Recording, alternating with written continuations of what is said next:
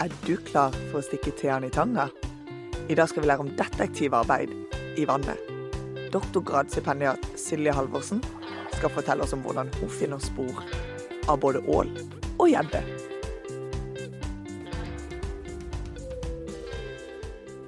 Hei, Silje. Hallo?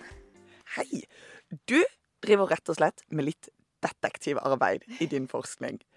Eh, og du bruker en veldig spennende metode, så jeg lurte på om du kunne fortelle oss litt om denne metoden du bruker.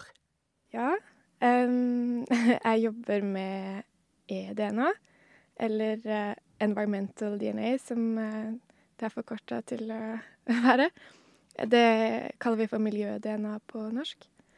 Og det er rett og slett DNA som man finner i miljøet. Og dyr og mennesker, de etterlater seg eh, spor, da. DNA-spor. I for eksempel så mister de celler, hår, spytt, urin i miljøet. Og så kan vi eh, fange opp eh, disse spora, da. Og det kan gi oss litt eh, kunnskap. Mm, akkurat som i sånn eh, politietterforskning av en kriminalsak. Men vi biologer er mer interessert i dyr. Ja, ikke sant? Ja, for det er dette litt detektivarbeid det høres ut som. Men da, før vi går videre, snakke om DNA som kommer fra celler og hårstrå og urin. Kan du bare minne oss på hva DNA faktisk er? Ja, hva er DNA? DNA det finnes i eh, alle kroppens celler. Og det er på en måte oppskriften som bestemmer eh, hvordan dyr og mennesker er. Og hvordan de skal se ut og fungere. F.eks. øyenfarge eller blodtype.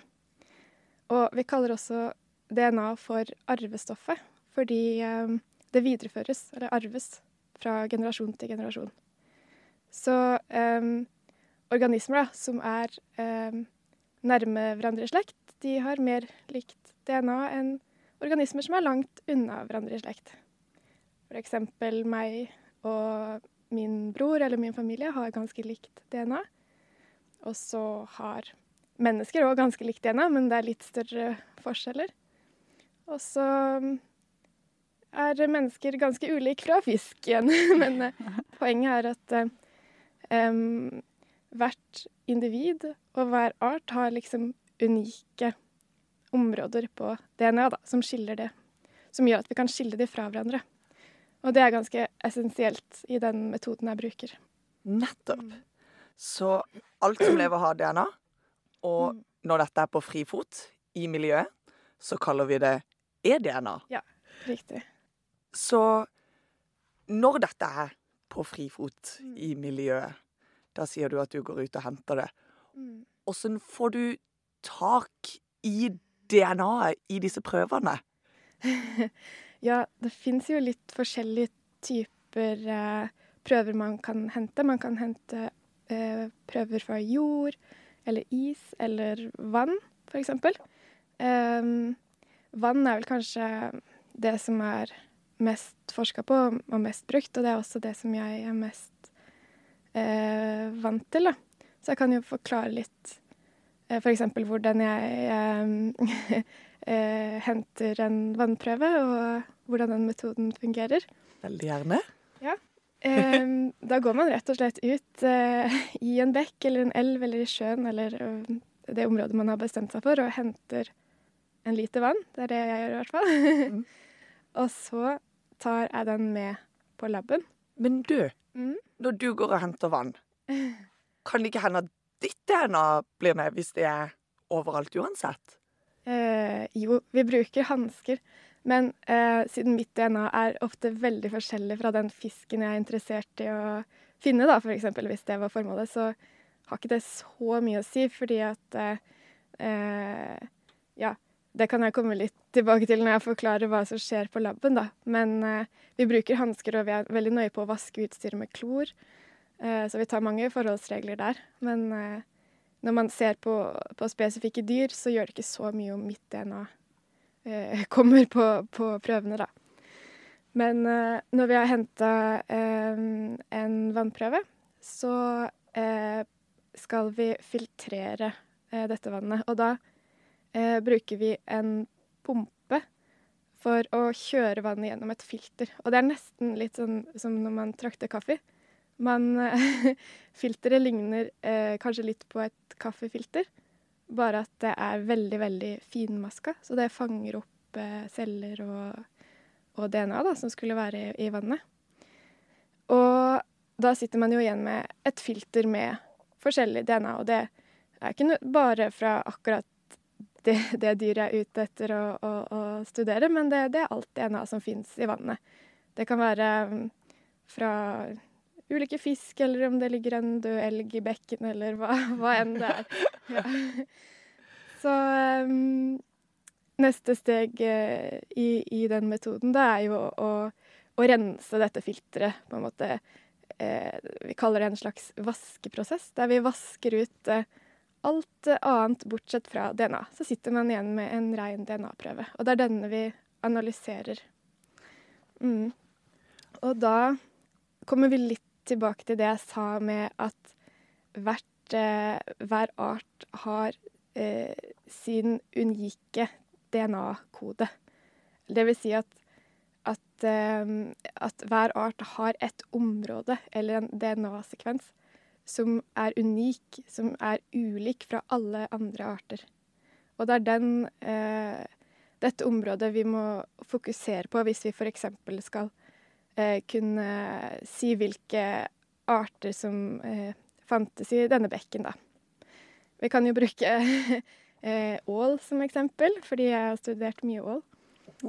Um, hvis man ønska da å, å, finne ut om det var ål i en bekk, uh, så måtte man undersøkt på forhånd uh, OK, hvor er uh, ål helt unik i sin DNA-sekvens? Og da, da, har man den kunnskapen på forhånd, og da kan man sammenligne det, det nesten med en puslebrikke som man ønsker å finne en match til i sin prøve. Så en puslebrikke som er helt lik. Helt lik ja. til akkurat ålen sin unike eh, DNA-sekvens, eller det området på DNA. Og da bruker man en, en maskin eh, som, kan, eh, som hjelper med dette. En, eh, en såkalt PCR-maskin. De fleste har kanskje hørt det uttrykket de siste to åra. Jeg har nylig ja. fått litt mer innblikk i dine ja. metoder. Ja. Jeg skal ikke gå inn på detaljene mer eh, Annet enn at det er som å, å, å, bruke denne puslebrikka for å finne en match. Og, og hvis maskinen finner en, match, så kan vi si at vi har påvist DNA fra ål. Og da er det ål i bekken. Ikke sant. Mm. Så da, hvis vi kan finne puslebiter til forskjellige dyr og, og sånn Det høres ut som vi kan få utrolig mye informasjon ut av en liter vann som en går og henter. Um, hva Du snakka litt om ål. Mm. Uh, hva er det spesifikt du har gjort ja. for, sånn, med ålen? Ja, um, nå kan jeg jo begynne å si litt om hvorfor vi akkurat har studert ål, for det er jo ikke bare tilfeldig. Um, ål er jo en art som er kritisk trua. Bestanden har eh, ble veldig redusert fra 80-tallet, nesten redusert med 90% Så da er det jo enighet eh, i de fleste EU-land at vi ønsker å ta vare på denne arten. Og et av, eh, et av problemene i Norge, da, eh, det kan være vandringshindre. OK. Og, kan du fortelle meg hva et ja, vandringshinder er? Vandringshinder. Eh, og da tenker jeg først og fremst på menneskeskapte vandringshindre. Det kan f.eks. være um, magasiner, dammer og demninger i, i elver og bekkesystemer. Og kraftverk. Og også sånn stikkrenner, som det heter, kulverter, som fører bekker eh, i røyer under, under veier, da. Og det kan, være, det kan gjøre at ålen blir hindra i sin vandring. For eh, ålen er eh, født, eller klekt, hva man skal si, i Sargassohavet og vandrer hele veien til kysten av Norge og andre europeiske land. Og de fleste eh, vandrer derfra videre opp i elve- og bekkesystemene for å finne seg en plass å bo. Okay. Og da kan sånne eh, konstruksjoner hindre eh, den i sin vandring. Ja. For det er kjempeviktig for ålen å komme seg litt sånn godt opp i elvene. Ja, de, de lever eh, og spiser og eh, bor i, i elvene og bekken, de fleste i hvert fall, eh, i 15-20 pluss år. Oi, Så ikke sant? eh, før de vandrer tilbake igjen for å gyte i Sargassohavet. Ja. Jeg tenker i hvert fall at eh, vi bør tilrettelegge best mulig for at den kan vandre dit den vil. Det syns jeg høres fornuftig ut. Mm. Så kan man jo eh, spørre seg hvordan e-DNA kommer inn i, i dette her.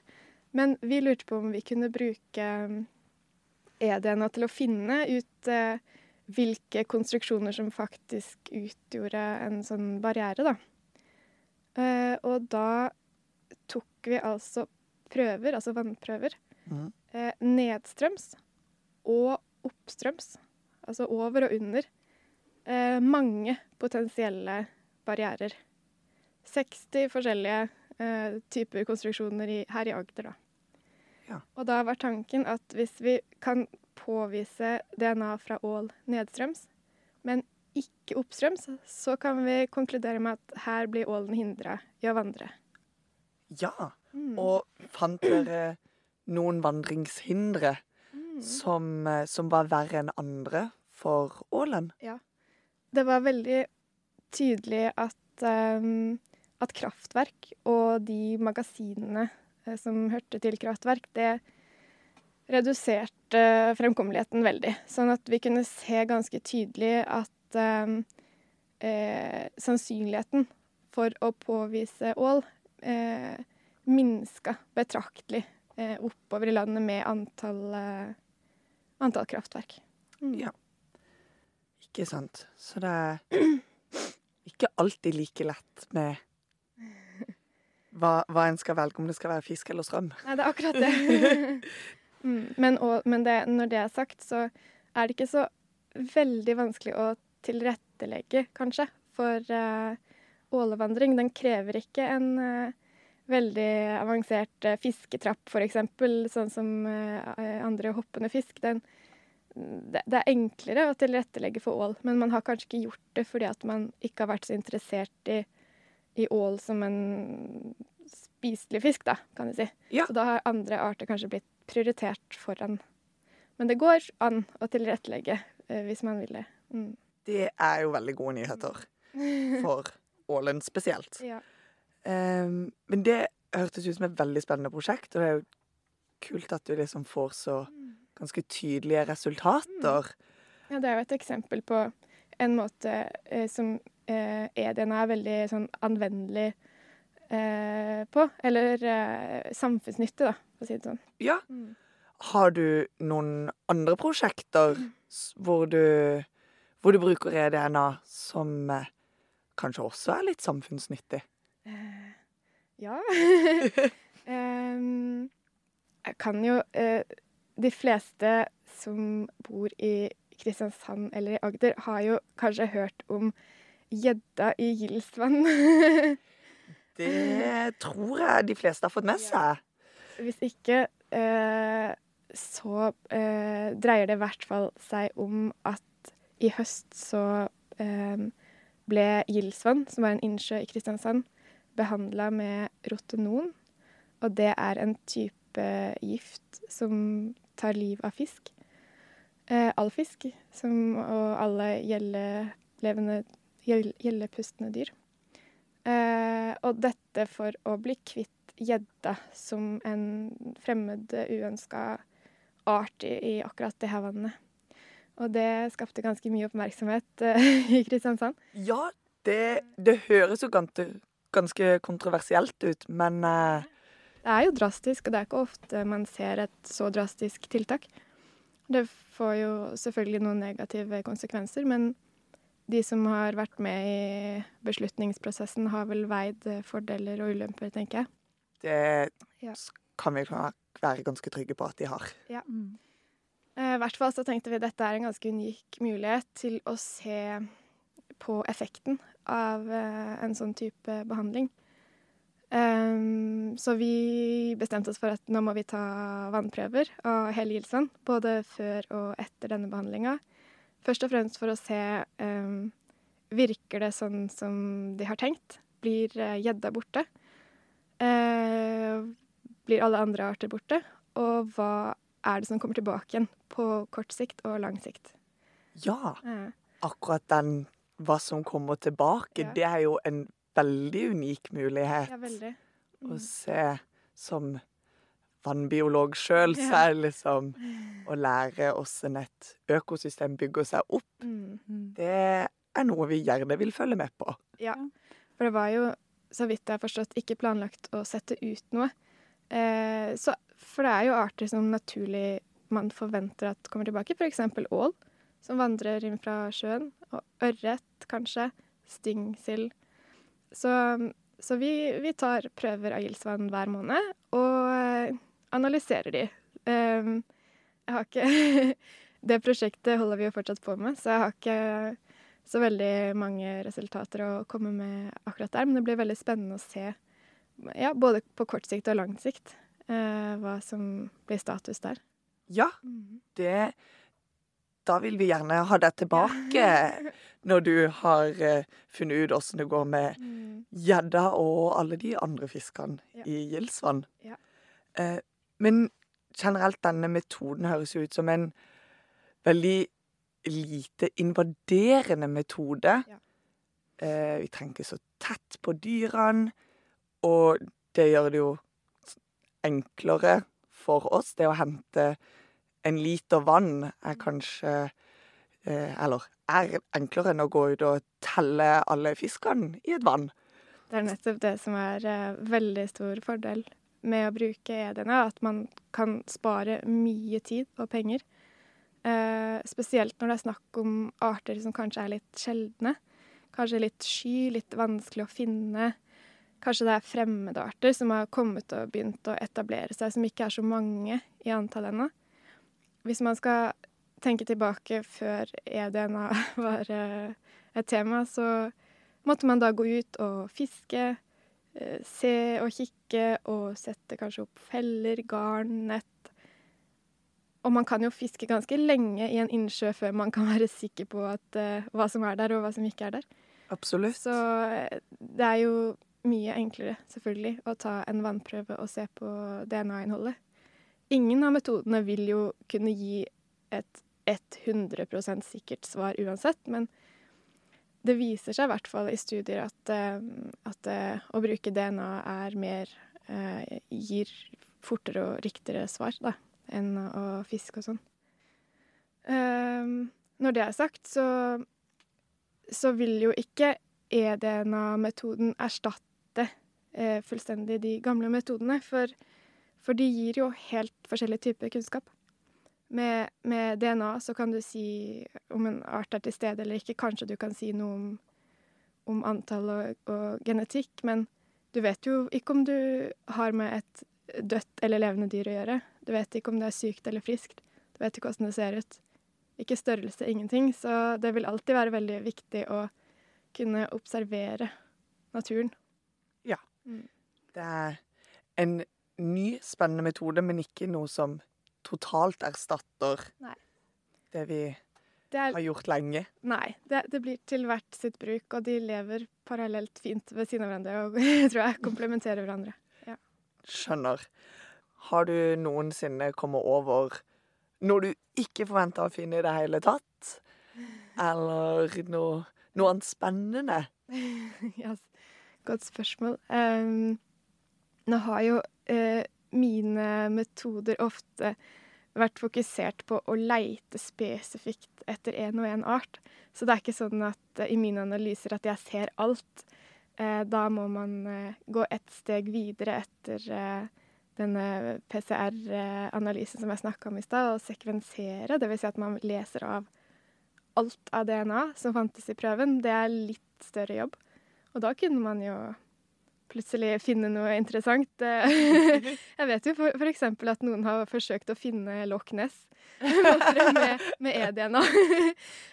Men man vet jo ikke DNA-sekvensen til Loch Ness, da. Så det er ikke avkrefta at Loch Ness finnes, rett og slett, med e-DNA?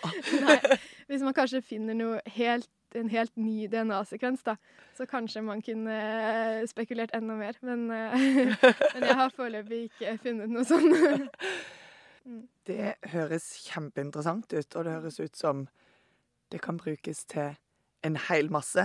Mm. Nå kommer jeg til å gå rundt og se verden og se bitte små DNA-biter overalt hvor jeg ferdes.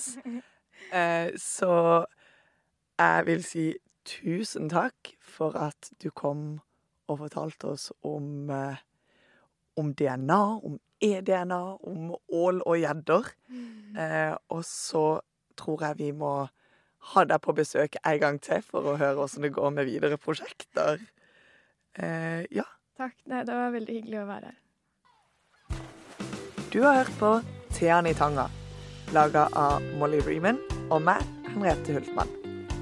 Det er en podkast fra Center for Coastal Research ved Universitetet i Agder. Du kan finne mer informasjon om forskningssenteret på våre nettsider, eller ved å følge linken i episodebeskrivelsen.